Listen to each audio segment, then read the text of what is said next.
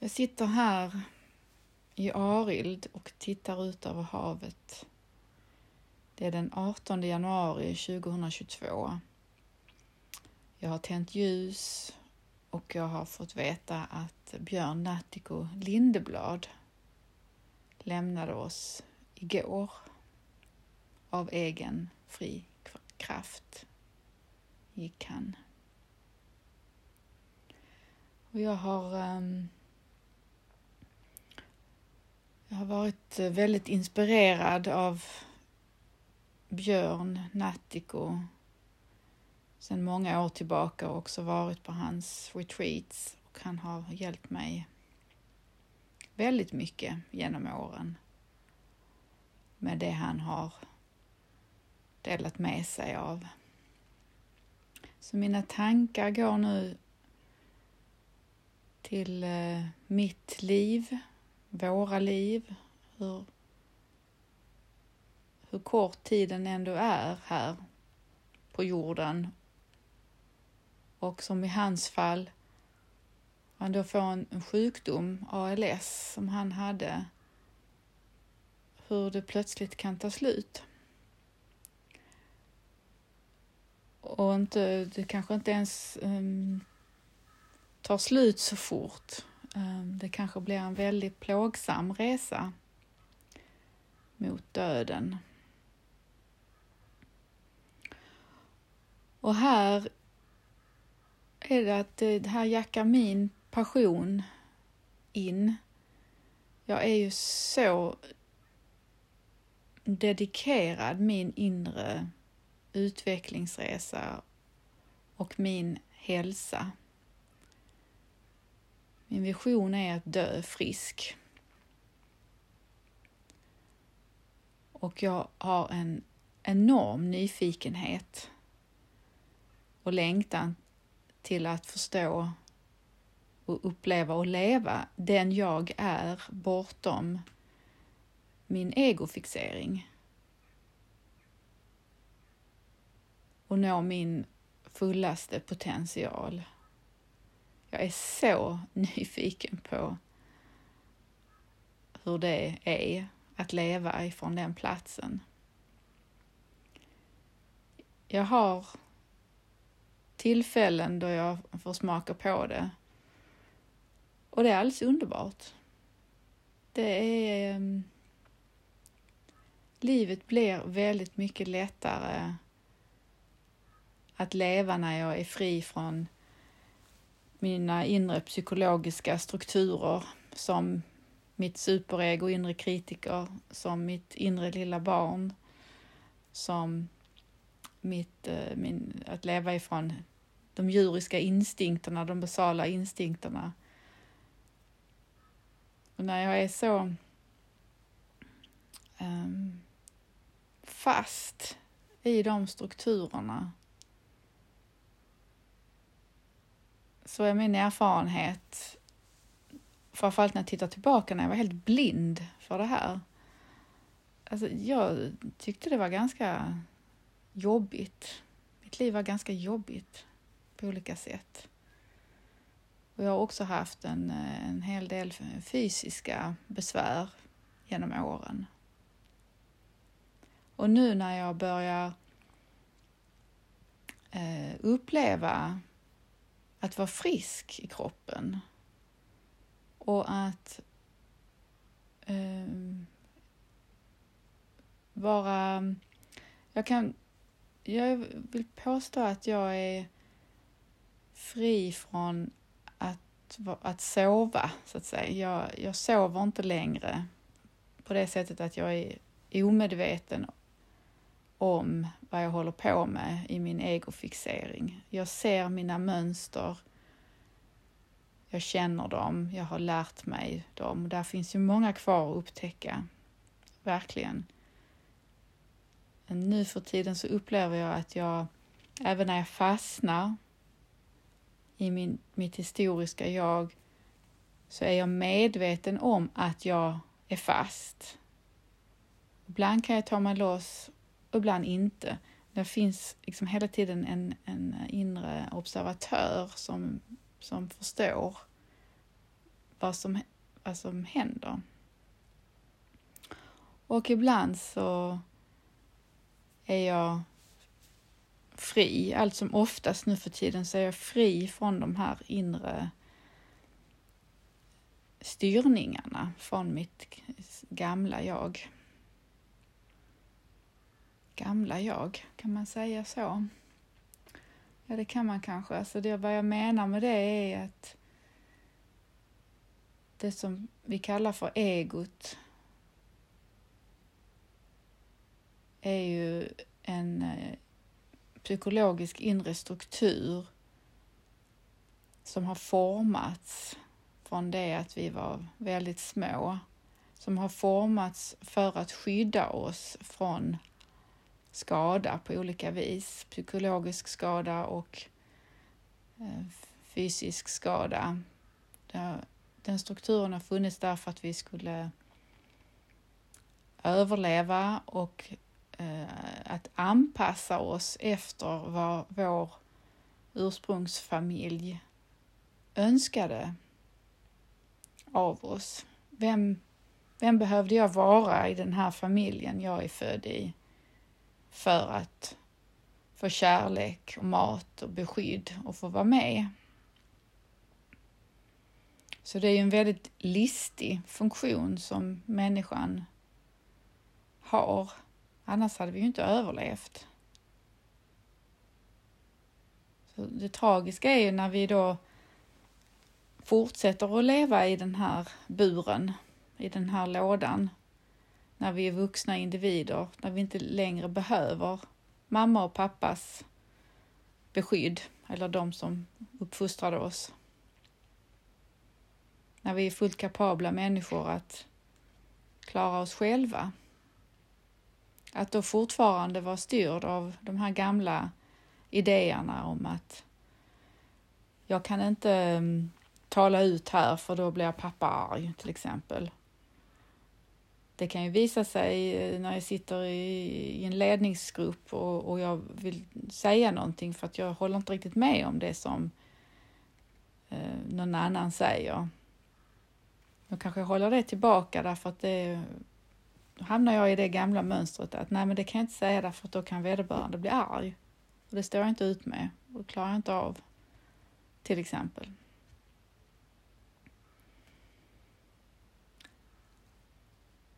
Eller att, um, att jag behövde, jag fick kärlek och, och beröm när jag var duktig, när jag presterade bra. När jag var liten. Då kanske jag sitter fast i det mönstret, så även som vuxen, att jag har ett enormt driv, att jag måste prestera, jag måste visa upp mig här i livet för att jag ska känna eh, värde, egenvärde. Så det blir ett egenvärde utifrån utsidan. Att jag inte har kontakt med det inne i mig själv. Och det är så tragiskt att vi gör så här, vi människor. De, väldigt många lever ju sina liv ifrån den här buren. Och många är helt omedvetna om att de sitter i buren.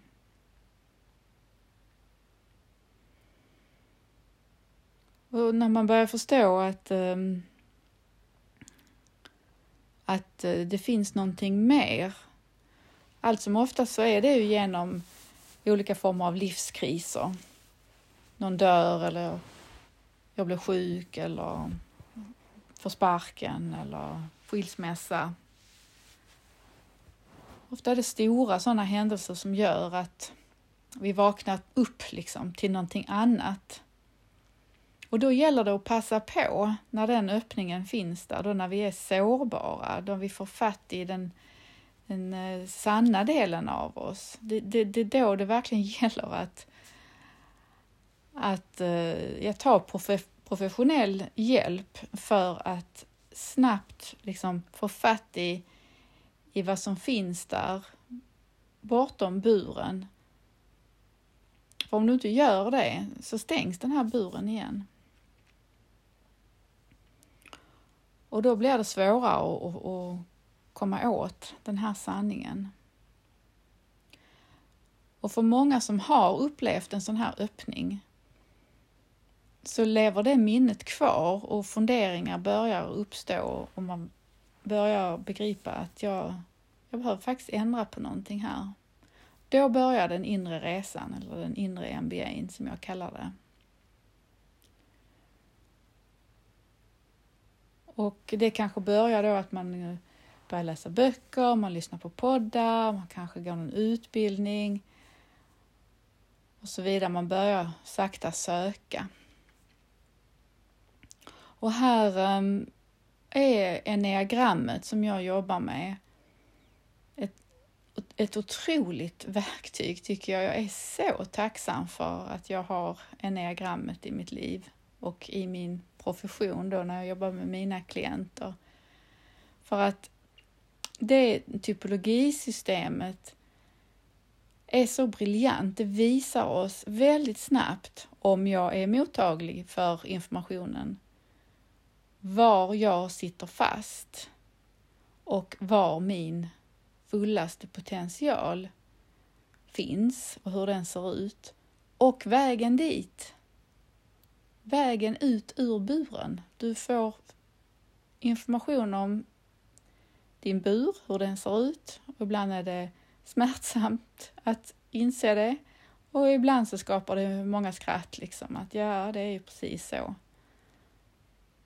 Och sen hur du ska ta dig ut ur det, vad du behöver jobba med och den här potentialen som ligger där som ibland är att ja, just det, men det vet jag ju.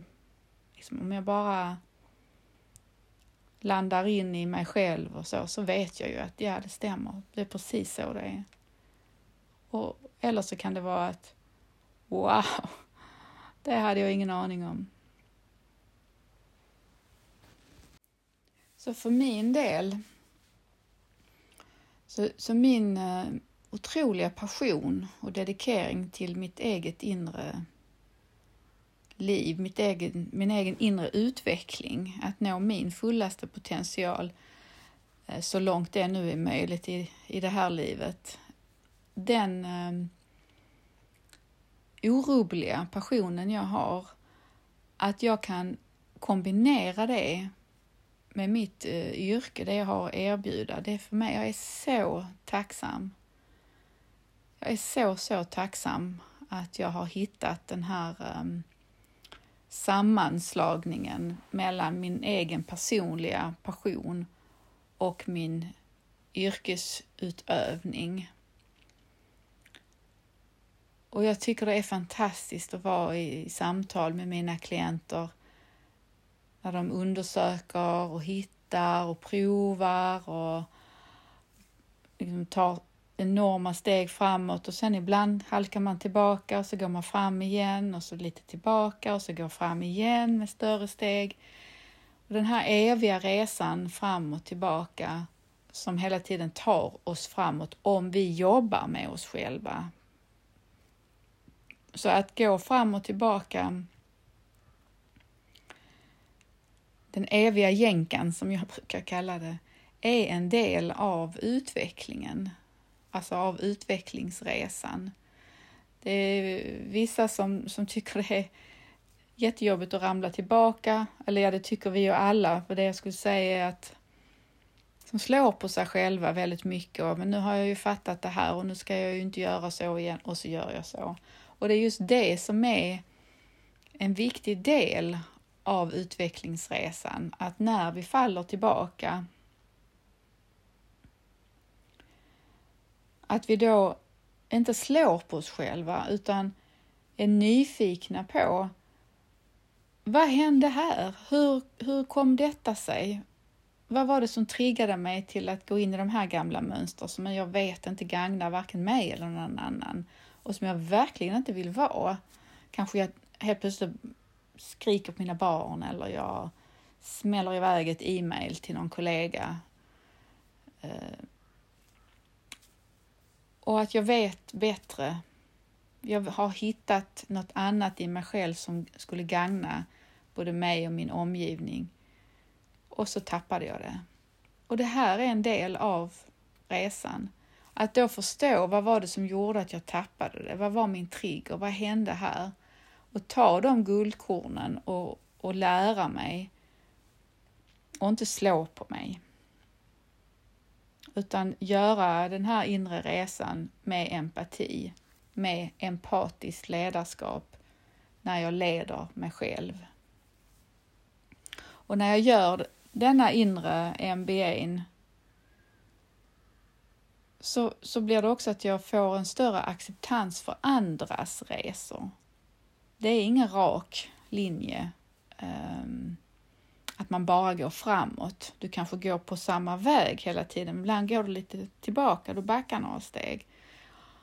Och så fortsätter du. Den här raka vägen, den kan man hitta genom enneagrammet och, och, och tillsammans med, med mig då i våra coachingsamtal att, att staka ut den här vägen så att man ser den tydligt. Sen att, att är det inte bara att börja gå så är jag framme, utan det är ju väldigt många hinder på vägen som jag stöter på. Det är som att det här gamla, eh, gamla jaget, egot, vill ju absolut inte att jag ska lämna buren och superegot är anställt för att hålla dig kvar i buren. Så när du börjar gå på din resa så är det precis som att det kommer långa krokar och armar som, som drar dig tillbaka och lägger ut fälleben för dig för att du inte ska kunna gå vidare. För dess uppgift, alltså superegots uppgift är att hålla dig kvar i buren för den tror att där är det säkert. Den, den funktionen skapade i oss när vi var väldigt små för att hålla oss levande och trygga och säkra. Och den här utmaningen är jättestor för de flesta av oss att lära känna superegots um, funktion. Hur den pratar till oss, hur den fungerar och alla har vi en unik sådan röst i oss. Man behöver, behöver lära känna den och förstå att det här det är, bara, det är liksom bara en, ehm, en gammal röst från när jag var liten, det är våra internaliserade föräldrar, hur vi upplevde våra föräldrar. Det behöver inte vara så att det var exakt så de sa eller gjorde mot oss, men det är så vi upplevde det som barn. Och den funktionen hindrar oss från att lämna buren. För den börjar berätta att till exempel om man ska starta eget, om det är en dröm som man har, och så får man all energi i det och oh, jag ska göra det och sådär. Sen kommer den här rösten. Ja, tänk om du inte går, du behöver ha en plan B. Och om du inte går så kanske du ska göra så här och tänk om alla dina pengar försvinner och tänk om du måste sälja huset och oh, vad ska din partner säga? Alltså det är superegot som kommer in då. Och om vi lyssnar på den rösten så kommer vi aldrig att göra det som vi längtar efter. Och det är inte så lätt att bara strunta i den rösten för den är så stark. Alltså det här behöver man ha respekt för. Det är så starka krafter som lever i oss. Men för att inte den kraften ska, ska vara den som kör vår bil utan få den att sätta sig bak i kofferten liksom. Eh, det, det krävs rätt mycket arbete med det och det är sånt som jag kan hjälpa till med i coachingprogrammen som jag erbjuder. Att, att få stopp på superegots hindrande av att vi ska komma till vår fullaste potential.